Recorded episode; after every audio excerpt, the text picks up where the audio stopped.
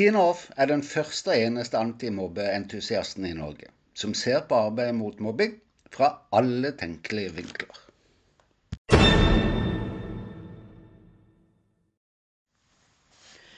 Er det ikke et lite mysterium at vi ikke klarer å få ned hvor mange barn og unge som våger å si ifra om at de opplever mobbing hvert år?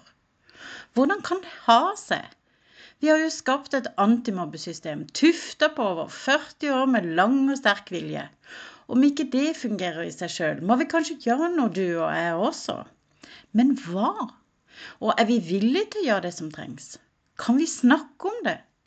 Klart vi kan! Velkommen til episode 25. Hvis vi tar utgangspunkt i antallet barn og unge som opplever mobbing hvert år, og konsekvensene det viser seg at barn og unge har av erfaringer med mobbing, ikke bare for de som utsettes, men også for de som utøver, og noen ganger de som er tilskuere, må vi vel innrømme at systemet kanskje ikke er nok alene. Vi vet det, du og jeg, og alle andre. Vi vet også at stor vilje i seg sjøl ikke er nok, men at erfaring er viktig. Den viktigste ingrediensen, tror jeg da, er imidlertid vår holdning. Ikke de tilfeldige, sporadiske eller krampaktige forsøkene, men den naturlige holdninga til hverandre, i rollen som forelder, som fagutøver og rett og slett som medborger. Kanskje vi trenger noen eksempler? For oss som foreldre, da, hva kan det bety?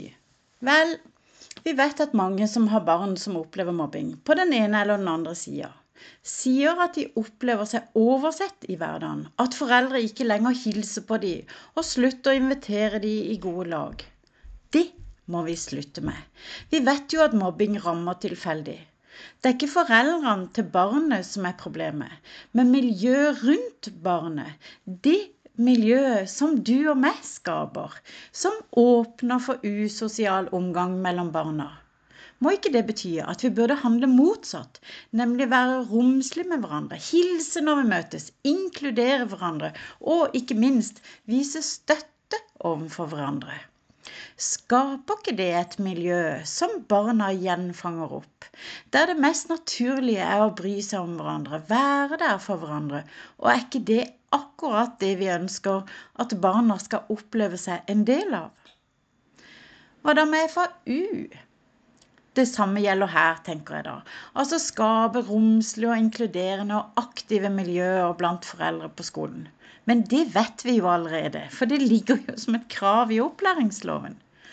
Holdningsskapende arbeid handler kanskje i enda større grad om å støtte foreldrene for det første gjennom å sikre at endringer i skolemiljøet fanges opp tidlig. For det andre ha opplegg for hvordan klassekontakter kan gi støtte, gis støtte og drahjelp om og når skolemiljøet i en klasse ikke er bra. Og for det tredje gjennom å være en informasjonsbank for enkeltfamilier. Altså ha ulike skriv for foreldre i ulike utfordrende situasjoner. Som skal vi se, f.eks. skrive- og lesevansker funksjonsvariasjoner, behov for spesielle tilpasninger, eh, for å nevne noen gjengangere, da. Også ved mobbing. Siste eksempel, helt kort, fordi det er en så relevant yrkesgruppe når det gjelder akkurat det jeg snakker om. Det er læreren. Hva kan lærere bidra med mer med? Vel, akkurat som du og meg, så må vi ta forutsetningen om at lærere er også forskjellige. Det jeg tenker kan være et spørsmål å stille seg, er hva lærere gjør når tiltak som er bestemt av i saksbehandlinga i mobbesaker, ikke ser ut til å funke som ønska. Hva gjør vi med det?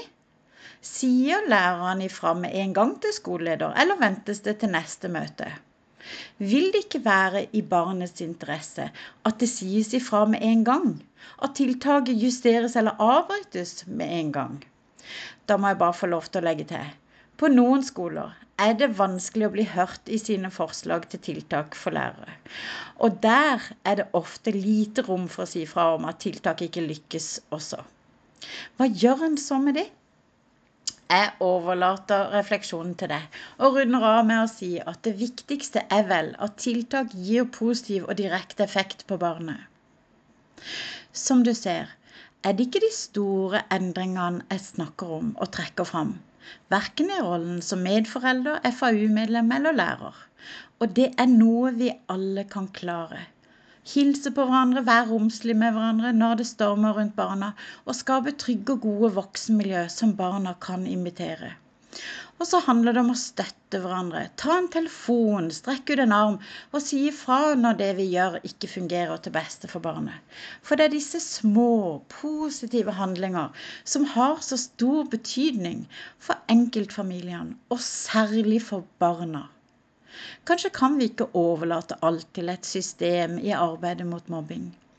Er det ikke dette som kalles å bygge trygge og gode skolemiljøer? Eller miljøer generelt? Altså gjennom at vi alle gjør en liten innsats. It takes a village. Husker du det uttrykket som jeg har brukt som overskrift? Vel, jeg tror at det er noe vi kan tenke litt mer på i vår travle hverdag. Vel, jeg foreslår, og du mener, vet du. Neste uke handler det om et skikkelig hysj-hysj-tema, nemlig lydopptak i saksbehandlinga i mobbesaker. Det er kjempeviktig at vi snakker om dette, og trolig kommer du til å bli overraska. Til da ønskes du en strålende uke. Vær romslig, da.